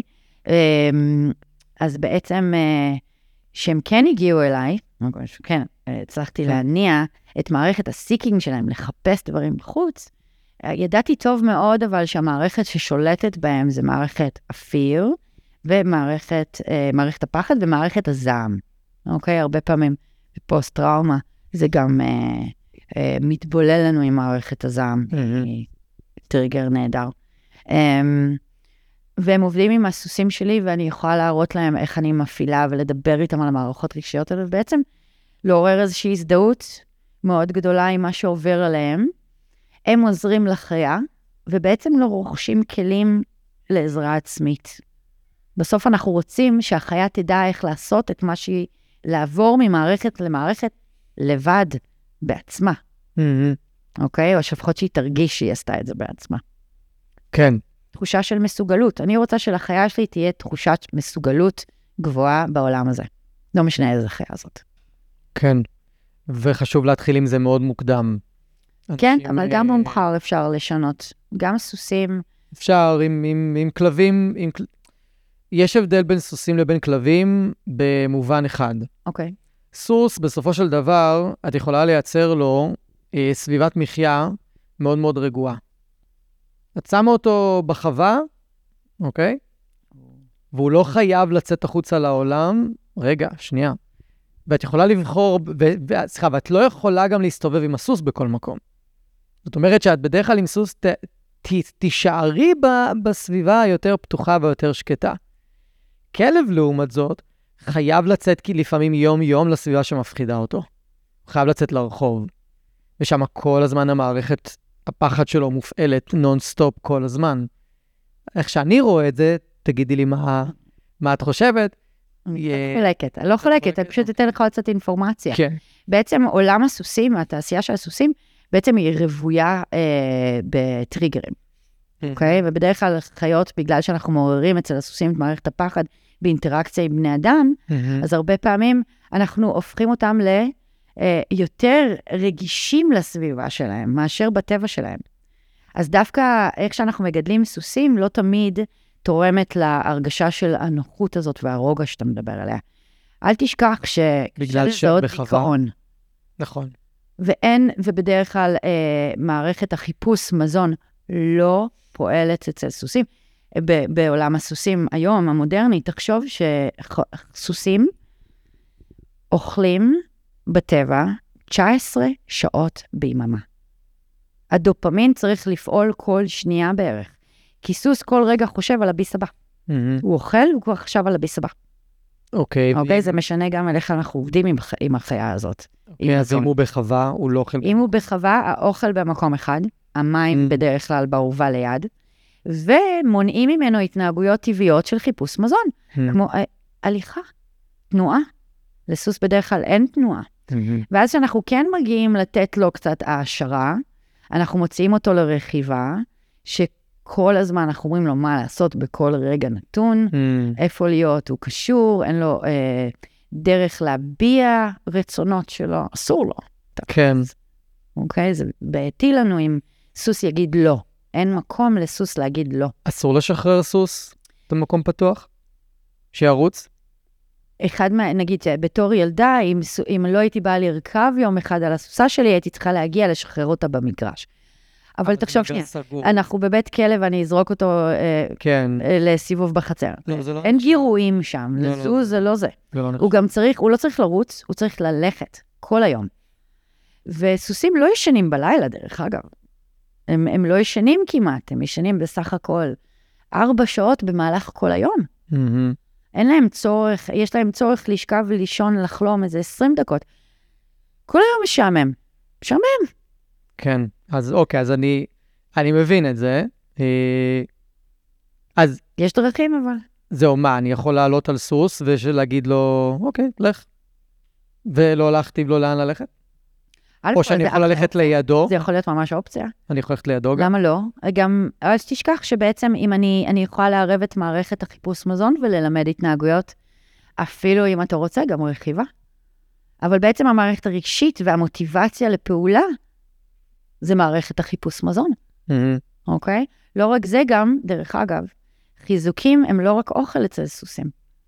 סוס שיודע, שאני יודעת איפה לגרד אותו, ולהפעיל את מערכת הקר הזאת, שהוא אתם ישר רוצה להחזיר לי חזרה, וואלה, זה כוח. זה כוח עליון, כי גם אני מגיעה לגירודי בטן שאף סוס לא. יכול לעשות. אף סוס אחר. הם רואים בי, אה, בעצם כשאנשים נכנסים אצלי למרעה, הסוסים מגיעים כי הם בציפייה, אוי, יש פה בן אדם, הוא יכול לגרד לי בבטן. אוקיי? ויש להם גם דרכים לבקש. מעניין, כל אחד יש לו דרך מיוחדת. מעניין. אבל בעצם זה, זה דרך נהדרת בשביל ללמד גם התנהגויות. אני לימדתי את הסוסה שלי ללכת אחורה דרך גירודים בטוסיק. אוקיי? אני מגרדת לה בטוסיק, ואני מפסיקה, ואני יודעת שהיא רוצה את הגירוד. היא. תלך את הצעד אחורה, ואני יכולה להלביש ככה. מגניב. הצבתי התנהגות בלי שום כוחניות, ואפילו השתמשתי בדברים שהיא נורא נורא אוהבת. אוקיי? אז, אז בעצם ההפעלה של מערכת החיפוש מזון בלימוד התנהגויות, ישר מקשרת אותי לדברים טובים, לדופמין, להתרגשות מאינטראקציה איתי, כי אני מספקת את ההרגשה הכיפית הזאת שהוא הצליח.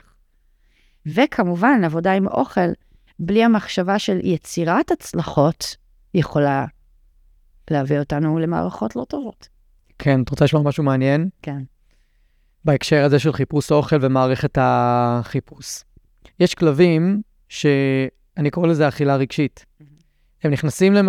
פגשתי את זה פעם אחרונה אצל פיטבולית בצורה מאוד קיצונית. חזקה, כן. כן. שתי פיטבוליות בעצם. איך שהן נכנסות למערכת הזעם, הן יודעות להעביר את עצמן למערכת חיפוש אוכל. אוקיי. הן מעבירות את עצמן לבד. לבד. אממה, כל המאלפים שהיו לפניי, מיד עצרו את זה. אז הן היו תוקפות. בטח. כן. תוקפות את. הרצועה, תוקפות את הבני אדם שלהם, תוקפות את הסביבה, תוקפות את האנשים. ו... והרבה פעמים זה אפילו לא היה לחפש אוכל, אחת זה היה לחפש עשבים, אחת זה היה לחפש משהו לפרק. placement, כאילו, אה, כל דבר. כן, אבל הן היו מחפשות משהו להכניס לפה, Mm. כאילו ממש הן היו צריכות להכניס משהו לפה. וזה קרה לי עם עוד איזה כנענית אה, מעורבת אחת, שהייתה מחפשת מלא דברים לקרוע ברחוב. לקח לי המון זמן לשכנע את הבן אדם של זה ביטוי של פריקת לחץ, תן לה, תאפשר לה, היא לא אוכלת, היא לא בולעת, היא לא מסכנת את עצמה. תן לה, ובאמת שהוא שחרר את המקום הזה, כי זה יושב אצל רוב בעלי הכלבים, יושב לו הכלב שאסור שהוא יאכל מהרצפה, אסור שהוא ירים מהרצפה, מה אם זה רעל, מה אם זה יהרוג אותו, מה אם זה זה, מה אם זה זה, מה אם זה סדר זה. סביבה בטוחה שהוא כן לעשות. לא, אי אפשר, אנחנו מטיילים בחוץ. אבל אם אני... לא כל דבר ש... כאילו, הוא יכול למצוא דברים שבאמת יסכנו אותו, אני לא יכול לייצר לעצמו סביבה, סביבה בטוחה, אבל רגע, שנייה. אבל ה... העניין הוא עם הכלבות האלה, שכשהורדנו את ההפעלה של מערכת הפחד והזעם, מערכת החיפוש פחות הופעלה מיד אחר כך. הן יותר עוברות למערכת הקר, עכשיו, הדאגה. עכשיו, איך אני...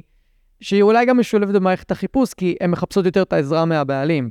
מסתכלות יותר, מחפשות את האוכל מהבעלים במקום מהרצפה. זאת אומרת, יש איזשהו מעבר באמת בין המערכות ממסלול לא תקין למסלול שהוא יותר, לא תקינו, של מונעים.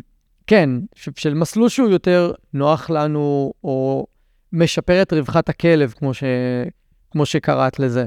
כן. אה, ולפעמים אני מבחינתי, כאילו, אוקיי, אז כלב מרים מהרצפה 30% מהזמן, אם אני יודע פעם אחר פעם אחר פעם שהכלב לא מסכן את עצמו בדברים שהוא מרים מהרצפה, לך תרים, מה אכפת לי?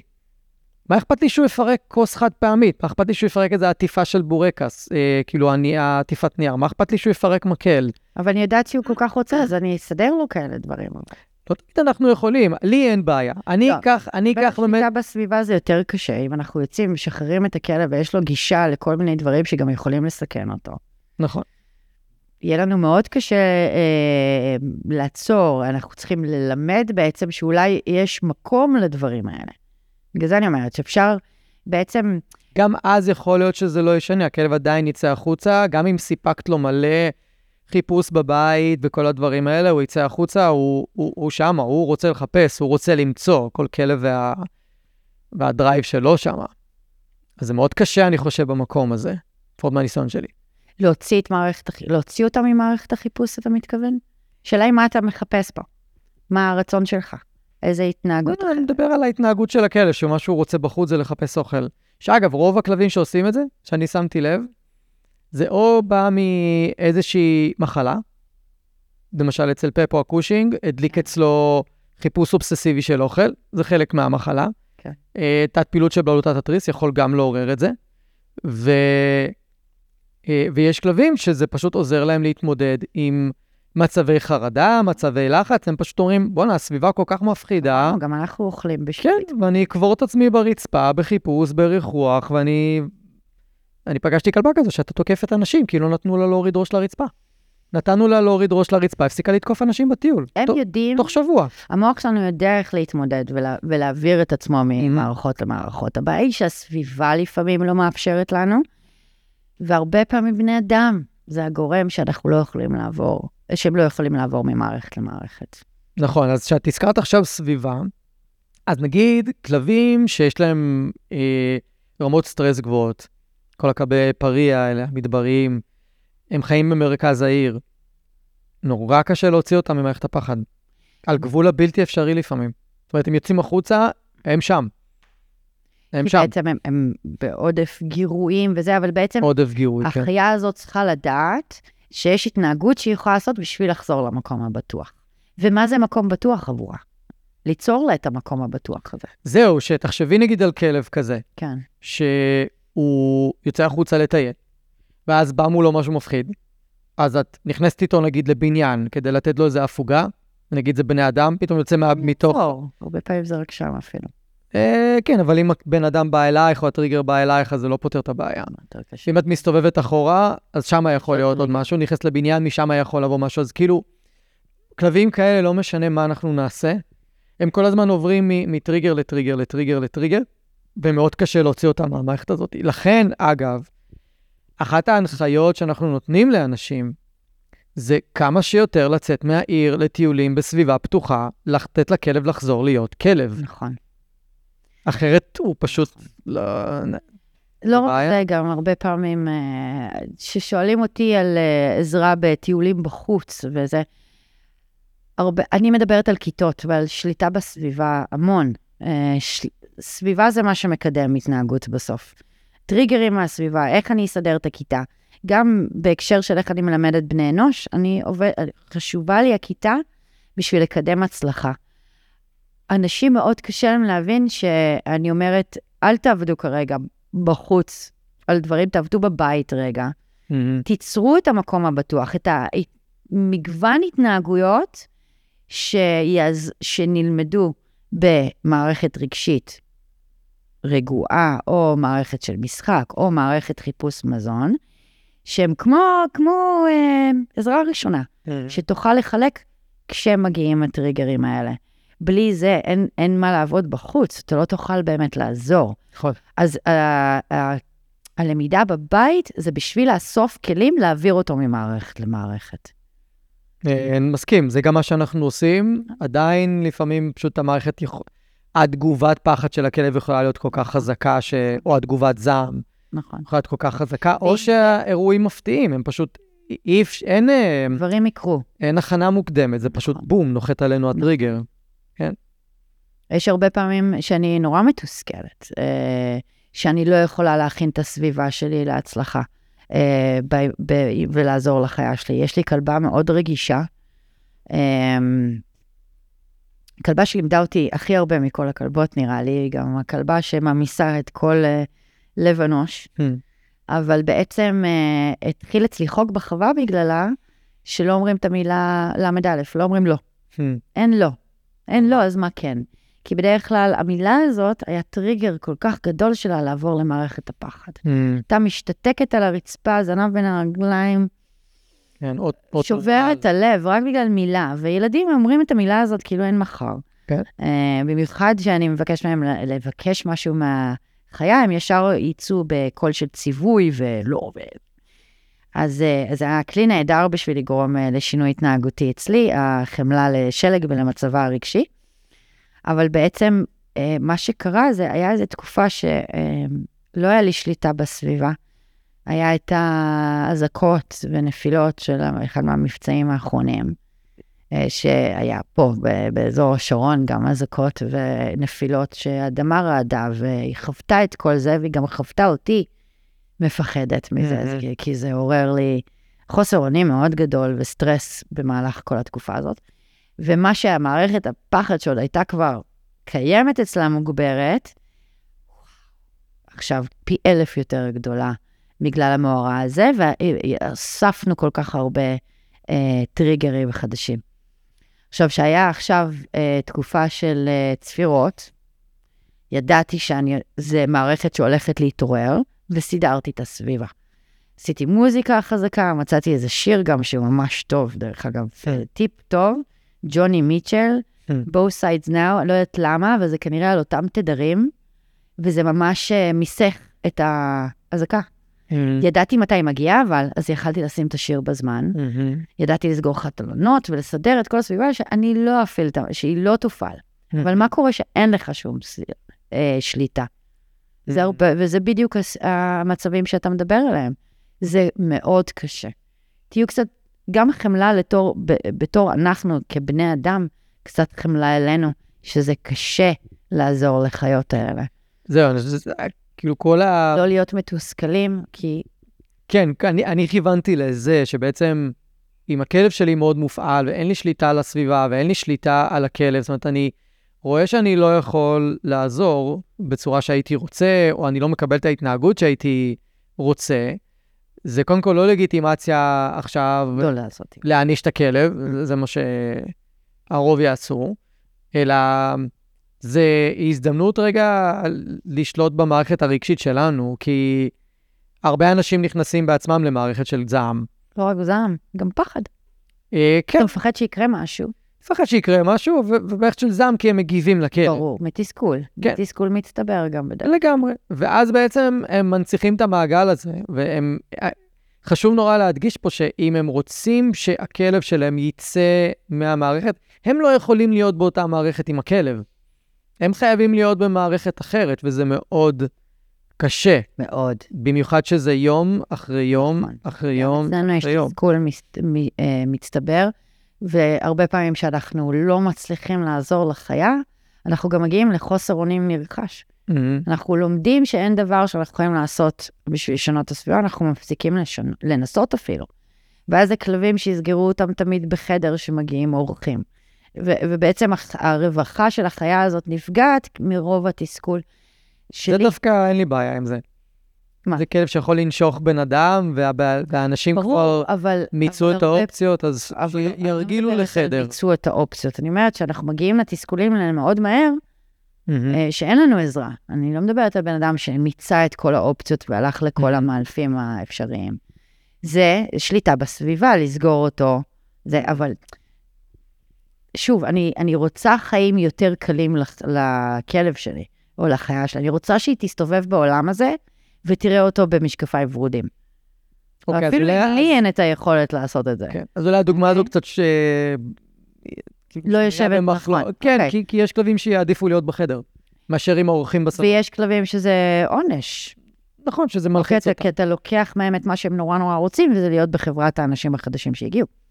כן, כדי לשלוט בסיטואציה. אני, אני ב- בשביל לשלוט בסביבה שלנו, אז אנחנו, זה, או, או הרבה פעמים אנחנו גם סוגרים את הדלת כאן, אין לנו את הכלים להתמודד וללמד משהו אחר.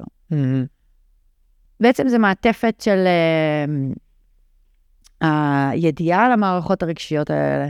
גם עוזר לנו למנוע מצבים כאלה. הרי הרבה פעמים החיות האלה לומדות את ההתנהגות האלה לא ממישהו אחר, מאיתנו. כן, העלאת המודעות מאוד מאוד תעזור לפתור את הבעיות לפני שהן נוצרו. ולתת לחיה הרגשה שהיא יודעת בדיוק איך לפעול בסביבה הזאת, בעולם האנשים המורכב והמוזר, והיא יודעת שמקשיבים לה. מהמם.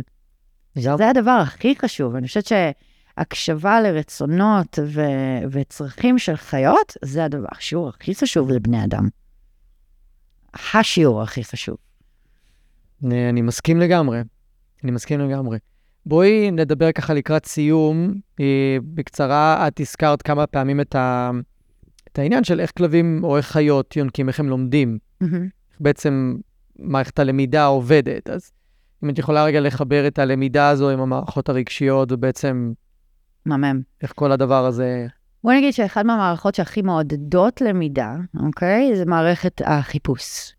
אוקיי? זה אה, מערכת החיפוש, אה, ותחשוב רגע על מערכת הלמידה הכי גדולה שאנחנו גם משתמשים בה בתור בני אדם, מערכת המשחק. מהמם. הרי חיות לומדות דרך משחק ואינטראקציה עם אחרים, או עם הסביבה. אוקיי? כמו שרואים, ילד שמשחק עם הסביבה, ולומד גם כישורים חברתיים אה, דרך משחק עם, אה, עם פריטים אחרים. אז אה, מבחינת הלמידה של החיה שלי, הייתי מאוד, אה, אני יודעת שאם אני מעוררת את הלמידה שלה דרך מערכת המשחק, אני יודעת שהיא רוכשת כישורים לחיים, כי זו התנהגות טבעית של כולנו, כל היונקים. דבר שני, במערכת חיפוש המזון, אני לא רק יודעת שזו המערכת שבעצם החיה אוספת איתה נתונים של איך להרוויח דברים, בעצם זו מערכת שקשורה לזיכרון והגירת אינפורמציה, כי בעצם החיה כל הזמן מחפשת סימנים שיודיעו אם דברים טובים קורים או דברים לא טובים. אז זו מערכת שאני רוצה מאוד לעורר בשביל אה, לדעת שהחיה שלי באמת תאגור את האינפורמציה. ועם איזה הרגשה? כיפית, עם רגש כיפי ומענה ומתלהב, אפילו אנרגטי, אוקיי? Uh, מה שאני כן יודעת, זה שכשמתעוררת מערכת הפחד, חיה לא לומדת, היא מגיבה יותר, כן. אוקיי? זה מאוד יעכב לי את הלמידה, מאוד מהמם. מאוד. לא רק זה, אמ, אני גם אה, לא רוצה שהחיה תחשוש מלעשות טעות. אוקיי. אבל כשאת אומרת מעכב את הלמידה, קודם נתת דוגמה על הסוס, שהם מלמדים אותו באמצעות חיזוק שלילי, אז נכון. זה לאו דווקא יכול להיתפס כעיכוב של הלמידה או תהליך למידה איטי, זה יכול להיות תהליך למידה מאוד כשאנחנו מהיר. במצב של, של פחד, אנחנו לא נלמד מהר. ולא, ולא בקלות, אוקיי? מהמם. אתה... אני חושבת שאנחנו פה יושבים על כאילו אה, אה, עונש, שהחיה לומדת, נגיד, אה, סוסים נורא מהר לומדים לא לגעת בפס החשמל. הרבה מהגידורים בשטחים גדולים, אי אפשר לבנות גדר ממתכת, אז שמים פס של אה, אה, חוט שזור עם מתכת, בשביל שהם לא יעברו. איך הם לומדים בעצם מהסביבה שלהם? ברגע שהם נגעו בזה פעם אחת, זה כל כך חזק, מהמם. אין סיכוי שהם ייגעו בזה עוד פעם. כמו כן. שילד נוגע בסיר חם על השיש, לא ייגע יותר בסירים חמים, הוא למד, אוקיי? אז אולי על, על זה יושב, שאתה כאילו חושב, רגע, מערכת הפחד, תכלס, כן מעוררת למידה. אני יודעת שהנכונות של חיה ללמוד ממני, זה שיש לה מרחב בטוח ללמידה. אוקיי? כשאני משתמשת במערכת הפחד, החיה לא מרגישה בטוחה. כן. כשאני משתמשת במערכת חיפוש מזון, לא רק שהיא בטוחה, היא גם מתלהבת מזה. אוקיי? אז אני מעוררת הורמונים כמו דופמין, במקום הורמונים כמו קורטיזול. אז בעצם אני רוצה לשמור את החיה בתוך תהליך הלמידה שלה, שהיא תפריש כמה שיותר דופמין, שהיא כמה שיותר תהיה ב engagement, במעורבות, ש- שזה משהו שאנחנו יודעים, כאילו ככל שהחיה יותר רוצה, אז היא באמת... בדיוק, היא מוטיבציה. היא תלמד יותר, כן, בטח. יהיה לה יותר קל. לכל שינוי התנהגותי אנחנו צריכים שני מרכיבים, תקשורת ומוטיבציה, אוקיי? הדבר הכי כיפי זה לגלות מה המוטיבציה של החיה שלך, זה מחקר שלם. איזה משחק, איזה, איזה אוכל. אני למשל, אה, התחלתי לדבר על פרויקט ברווזל, למשל. אחד מהדברים הראשונים שהייתי צריכה לגלות, זה מה היא אוהבת. מה יניע אותה להתנהגות, כן. אוקיי? וברגע שיש לי את זה, יש לי כלי לעזור לה לחיות בעולם האנשים. היא עדיין ברווזה בעולם האנשים כרגע.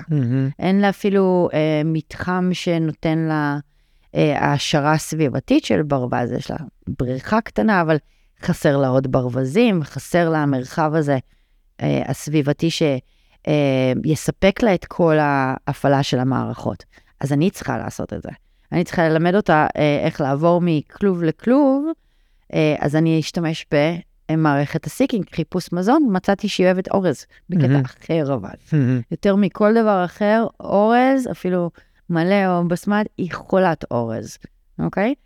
ברגע שגיליתי את זה, אני יכולה להתחיל ללמד אותה לחיות בעולם האנשים, בצורה כזאת שהיא תסתכל על עולם האנשים כמקום הכי כיפי לחיות בו. בעצם אני רוצה לשנות את ההשקפת עולמה לגבי העולם שלי. מעניין, מעניין מאוד. אז אנחנו ממש מסיימים.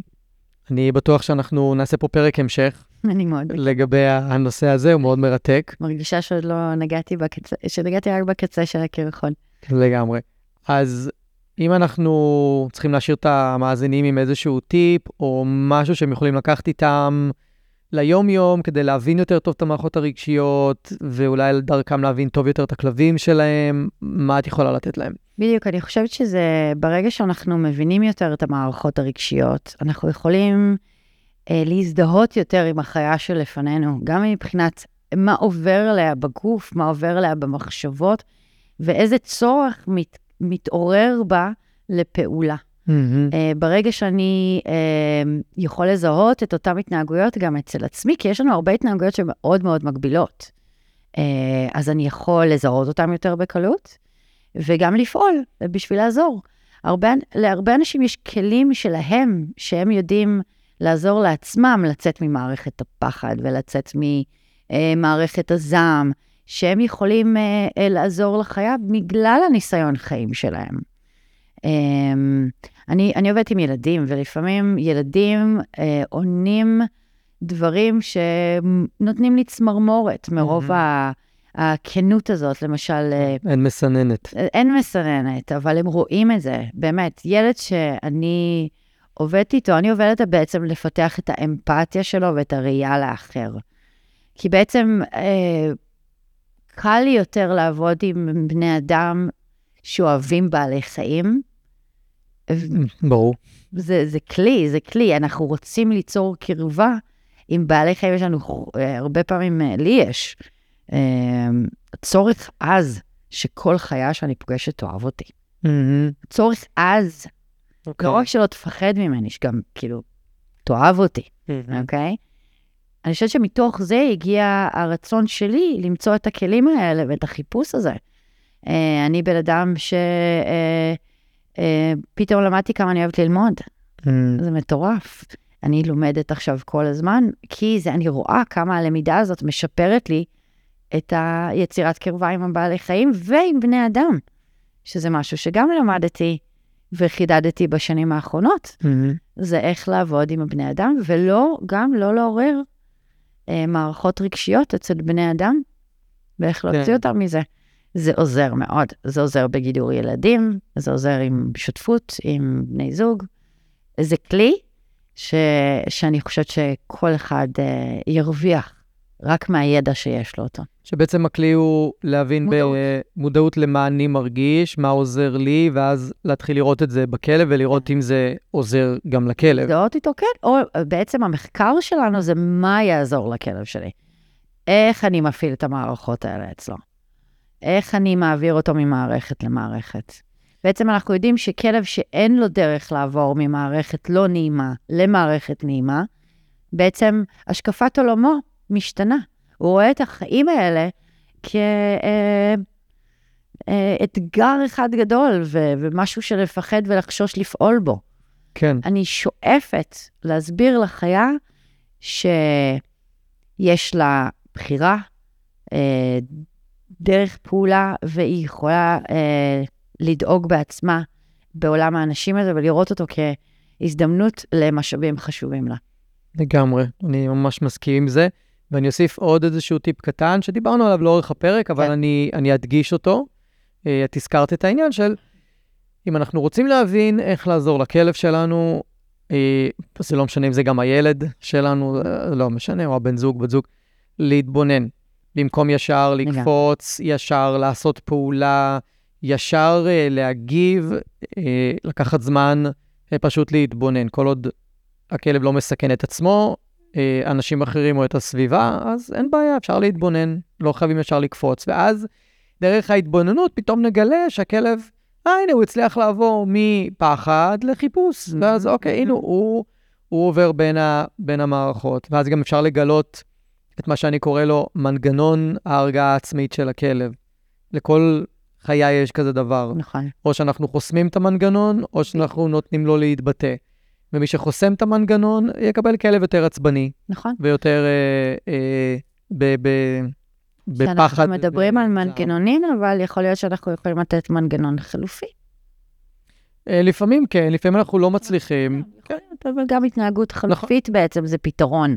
נכון, אם זה משהו שהוא הרסני, מסוכן ובעייתי, כן. הדרך שהחיה פותרת את, ה, את התקיעות שלה באיזושהי מערכת רגשית שהיא רוצה לצאת ממנה, אז אני יכולה לתת לה פתרונות אחרים. זה האחריות שלי, כי לא תמיד החיה תדע איך לצאת מזה. נכון, לפעמים היא כבר כל כך מותנית בלא לצאת מזה, ש... לא משנה, גם אם אני אתן לה אופציות, היא לא נכון. תבחר בהן, היא, היא תבחר במה שעבד הכי טוב, עד עבד הכי הרבה פעמים, ובזה היא תבחר. נכון. בגלל זה צריך הרבה חזרתיות ולהבין נכון. שזה לא קורה ביום. עד היום זה הדרך שהיא פתרה את הבעיות. גם כשנותנים הצעות לשינוי, הם הצעות לשינוי. אנשים שיש להם אה, התנהגות מסוימת שהם לא אוהבים והיו רוצים לשנות אותה, זה לא קורה ביום. ממש זה לא. מאבק. אנחנו לא יכולים לצפות שאצל החיה זה יקרה ביום. זהו, ופה יש את הציפייה הזאת מבני אדם, ודיברתי על זה ב- בניוזלטר, אה, אחד הניוזלטרים האחרונים שלי, על הציפייה שהוליווד יצרה אצלנו מ- לגמרי. מכלבים, נכון. ובתוך כל מיני תוכניות טלוויזיה שמראות לנו אה, פתרונות אינסטנט, ולא באמת מראים מה, מה קורה מאחורי הקלעים, ואת הקשיים ואת האתגרים. אנחנו נכון. פשוט חושבים ששינוי הרגלים של כלב זה, זה עניין של, של רגע. של ככה, של הנה, כמה פעמים אני אראה לו והוא, והוא ישתנה, וגם ואנחנו מאוד מתוסכלים מזה. מתגמלים אותם.